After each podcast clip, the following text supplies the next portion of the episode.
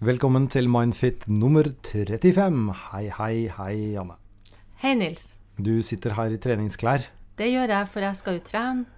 Og du sitter jo her. Du har ikke treningsklær. Nei, eh, altså klokka er sånn ca. sånn seks-sju-tiden på kvelden når Ja. vi spiller inn dette her. Og da Ja. pleier bestandig du å være i treningsklær, fordi du har en normal jobb og har tid til å trene da. Mens jeg jobber da i reklamebransjen, og vi jobber eh, Du må jo være tilgjengelig hele tida. ja, Vi jobber seint, men vi begynner ikke så tidlig, vi da. Nei, det, det skal vi ha. enda bra. Ja. Eh, vi nærmer oss også dette magiske tallet, syns vi selv, da, med 50 000 lyttere. Og det, det gjør, jo- gjør jo at eh, Altså Det er ikke det som er viktig, men det er utrolig viktig at det er eh, Eller det er fint da å vite at det er mange der ute som hører på. Og så Det er vi Har vi- takknemlige for. veldig. Ja. Og så har vi fått utrolig mange spørsmål i det siste. Eh, Du, vi har alltid sagt at vi skal svare på alle spørsmålene, men det vi har sett i det siste, er jo at det er vanskelig å komme rundt. Det har vært så mange spørsmål. Så vi diskuterte nå, nå før vi gikk opp i dette lille kottet om eh, vi må jaggu meg enten ta en maraton eh, og la det være en sånn fem timer lang sending. Ja. Eh, eller så må det være hver uke. Men eh, takk skal dere ha, og, og fortsett, for vi må svare på alle. Det har vi lovet. det håper vi at vi får tid til, men det kan ta litt Altså, vi må, men det tar tid. Men du, kan vi også si, det sa du til meg, at vi får ganske mange utfordrende spørsmål, vanskelige spørsmål. Mm. Og det tar vi som en tillit Jeg syns det er en tillitserklæring, for at da er det jo kanskje noen der ute som håper og tror at vi kan svare på det her òg. Ja, og, og hvis du, du da ikke får svar med en gang, så er det også noen ganger fordi at vi må tenke litt på det, faktisk. For, å, for å kunne gi et, eh, Godt svar. et godt svar. Um, det Og er så litt kan, kan vi også understreke Jeg, jeg skal ikke avbryte deg mer nå, Nils, for at det er jo du som det fint, styrer det. her. Men bare en, en gang til. For at, uh, bare for å understreke enda mer, da, at eh, siden dette er Altså, vi vet jo ikke hvor godt vi treffer den som sender inn. Sånn at eh, med all respekt, altså, vi håper å kunne gi noen gode råd og tilbakemeldinger. Men eh, vi vet jo aldri akkurat 100% hvordan situasjonen er. Så det tar det er noe med at vi har veldig ydmykhet rundt det òg, så vi kan jo ikke være skråsikre på hvordan det her vil treffe, eller om vi har forstått det riktig når vi svarer. Nei, ta, ta det vi sier med en halv klype salt, Ja. men ikke en hel. Nei, Nei, er jeg helt. Nei det gjorde du ikke. Um, vi har to spørsmål um, i dag, um, og de er uh, alvorlige begge to, Ja. men håndterbare begge to. Ja. Jeg begynner med den første. Hei, jeg er en mann på 23 år og har vært ekstremt dum. Vet ikke helt hvordan jeg skal forklare det, eller hvor, hvorfor jeg gjorde det. Jeg har sovevoldtatt en jente, eller er ikke helt sikker på om hun sov eller ikke. Det skjedde etter en kveld ute på byen. Jeg var veldig høy på kokain og veldig full. Jeg tror ikke helt jeg helt visste hva jeg drev med, ettersom jeg husker. Når jeg var ferdig, innså jeg med en gang hva jeg hadde gjort, og fikk panikk. Jeg hadde tenkt å kontakte jenta noen dager senere og beklage og prate om det, men jeg turte ikke. Nå er det over to år siden dette skjedde, og jeg har tenkt på det hver eneste dag. Samvittigheten tar snart knekten på meg.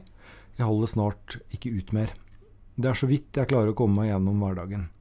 Jeg er redd, jeg er psykotisk, og jeg er stressa og redd hele tiden. Jeg aner ikke hva jeg skal gjøre. Vær så snill, kom med råd. ja. Eh, Dette er jo en av de spørsmålene vi har vært nødt til å tenke litt på, fordi det er jo et alvorlig tema. Jeg tenker denne 23-åringen også men, sier jo veldig my, mye nå om å ha det vanskelig sjøl nå i etterkant av denne hendelsen. Og vi kan jo ikke vite helt hva som har skjedd, men jeg tenker at han i seg sjøl tenker jo at han har gjort noe galt.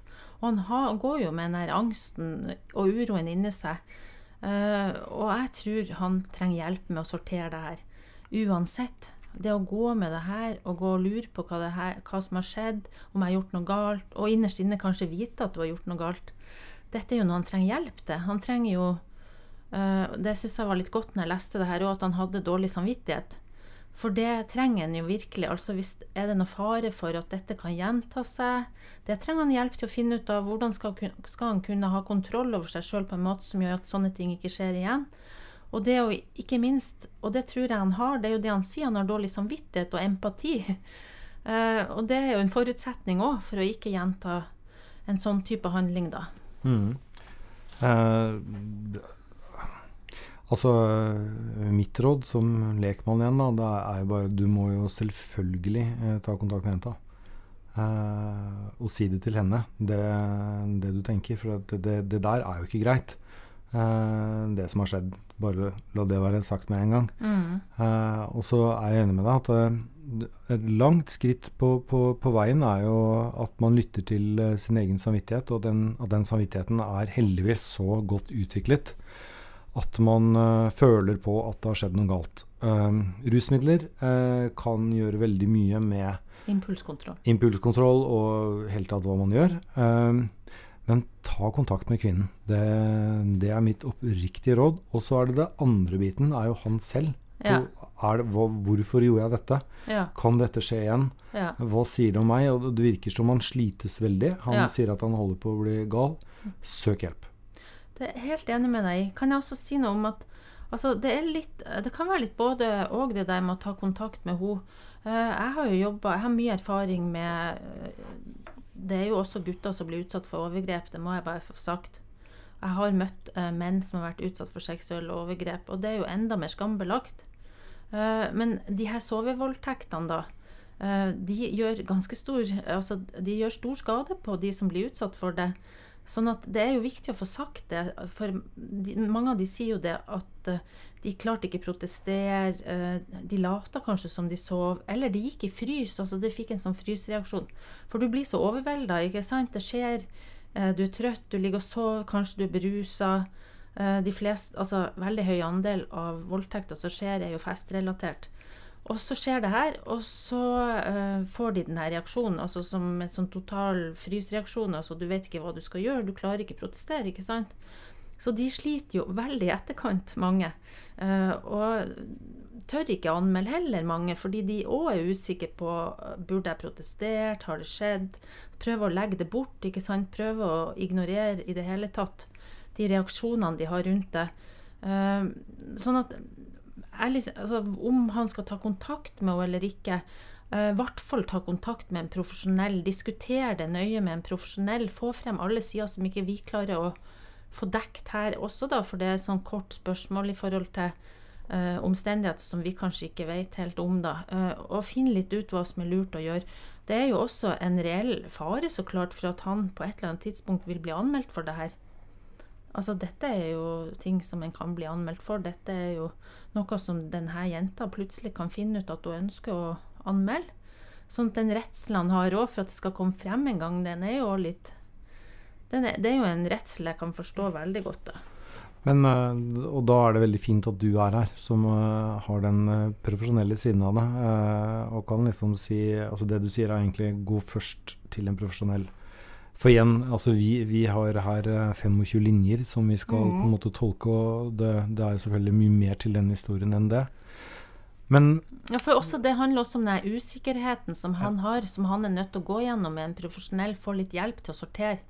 Og for at, eh, Hvordan vil det være å gå rett til henne ikke sant, når han ikke sjøl uh, vet helt uh, hva han skal tenke eller føle rundt det? Nei, det jeg tenkte på da, Ja. men det er igjen liksom at vi har kun noen linjer å liksom Ja. forholde oss til. Det er at eh, hvis han var rusa, Ja, og han eh, var ikke helt sikker på hvor han var hen, så er det hans versjon han sitter igjen med. ja, Hun har en annen en, og summen av de to versjonene er det nærmeste sannheten man kommer. Og, det, og det Altså- kan jo da være at hennes versjon er litt annerledes enn det han tror, hvis han var totalt borte på rus. Det kan være. Kan være. Uh, men uh, litt når du leser det mellom linjene, men heller ikke jeg vet, så får jeg jo en følelse av at han tenker allikevel at han har gjort noe galt, og at det er Hvor kommer den følelsen fra, ikke sant? Mm. Så, så, så vårt råd, mann på 23 år, ta kontakt med profesjonell hjelp. Det er, er bra for deg. Uh, og, og det er også bra for kvinnen at, at du gjør det. Ja. Fordi da kan du få en profesjonell veiledning uh, på hva du bør gjøre. Og så kan jeg også si, for at dette med at folk kan være redd for å søke hjelp, men altså en helsepersonell har jo taushetsplikt. Eh, sånn at det er jo ikke sånn at automatisk fordi du har gjort noe galt, så blir du blir taushetsplikten brutt. Det er jo ved fare for liv og helse nå, Mm. og eh, fare for gjentagelse. Sånn at jeg tenker at eh, primært så er du jo try i trygge hender når du går og søker hjelp om det her. Så hvis det er en sånn redsel som mange kan ha, at eh, ikke sant, hva skjer da? Eh, blir det i fortrolighet eller ikke? Mm. Ja. Um, og så er det jo også veldig mye um, i dagen nå med metoo-kampanjen. ja. Uh, altså Det er bra at du nevner. på uønska seksuell oppmerksomhet, som veldig mange sliter med. Jeg leste at uh, Harald Stangel i Aftenposten håper han egentlig har rett. At det norske samfunnet er litt for gjennomsiktig til at det kan være så til de grader eh, dårlig oppførsel fra menn over lengre tid, Mm. uten at noen sier fra. Kan jeg også få sagt det? For at det blir jo litt sånn at den, som om en skjærer alle menn over en kam òg, ikke sant? Og igjen, det er nyanser her. For at det er mange, mange menn som aldri krenker noen. Det er jo ø, ikke sånn at, at dette gjelder alle menn. Og så er det heller ikke sånn at det er bare kvinner som blir krenka. Nei, nei, nei. Det er det, det, er det virkelig Ja. ikke. Ja. Da Men- går vi videre på spørsmål nummer to. ja. Det er et litt uh, kort eh, spørsmål, men det, det rommer mye, og jeg leser. Hei, jeg lurer på om du kan si litt generelt om den psykologiske skaden som mennesker som vokser opp med at en far ikke ønsker kontakt, kan påføre. Der far stikker av, avviser alle henvendelser fra sønn eller datter, og gjerne til fordel for barna i nytt forhold eller ekteskap. Ser man noen skade hos disse barna, psykisk? Ja. Eh, for å si det sånn, det blir jo litt erfaringer med og andre folks erfaring. For at eh, det er ikke så mye forskning eh, å støtte seg på akkurat her. I hvert fall så har ikke jeg funnet noe i farta nå før vi skulle ha denne podkasten. Eh, men eh, det som kan skje Altså, det er jo ikke sånn én-til-én-forhold at dette eh, nødvendigvis fører til alle de skadene som jeg sier nå. Men eh, det jeg ofte ser i klinikk, da, det er at mange av de får en utfordring med relasjon til andre. Altså det å få en relasjon til en Hvis det er en farsfigur du savner, da, så er det mange som Det er et stort tema i behandling hos meg og hos mange at det å savne en farsfigur, det å oppleve å blitt avvist av far, det har gjort noe med selvfølelsen deres. Og gjerne også i forhold til, til det her med partner. Er jeg verdt noe? Er jeg verdt å, å bli elska? Det gjelder jo om det nå hadde vært far eller mor, eller hvem det nå enn er som, som avviser deg.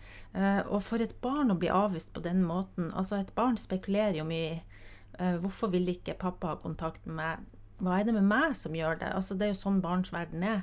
Eh, sånn at det er jo viktig eh, en, Hvis en vokser opp sånn som det her, så er det jo viktig å få en mulighet til å få satt noen ord på de tankene en har rundt det her, da.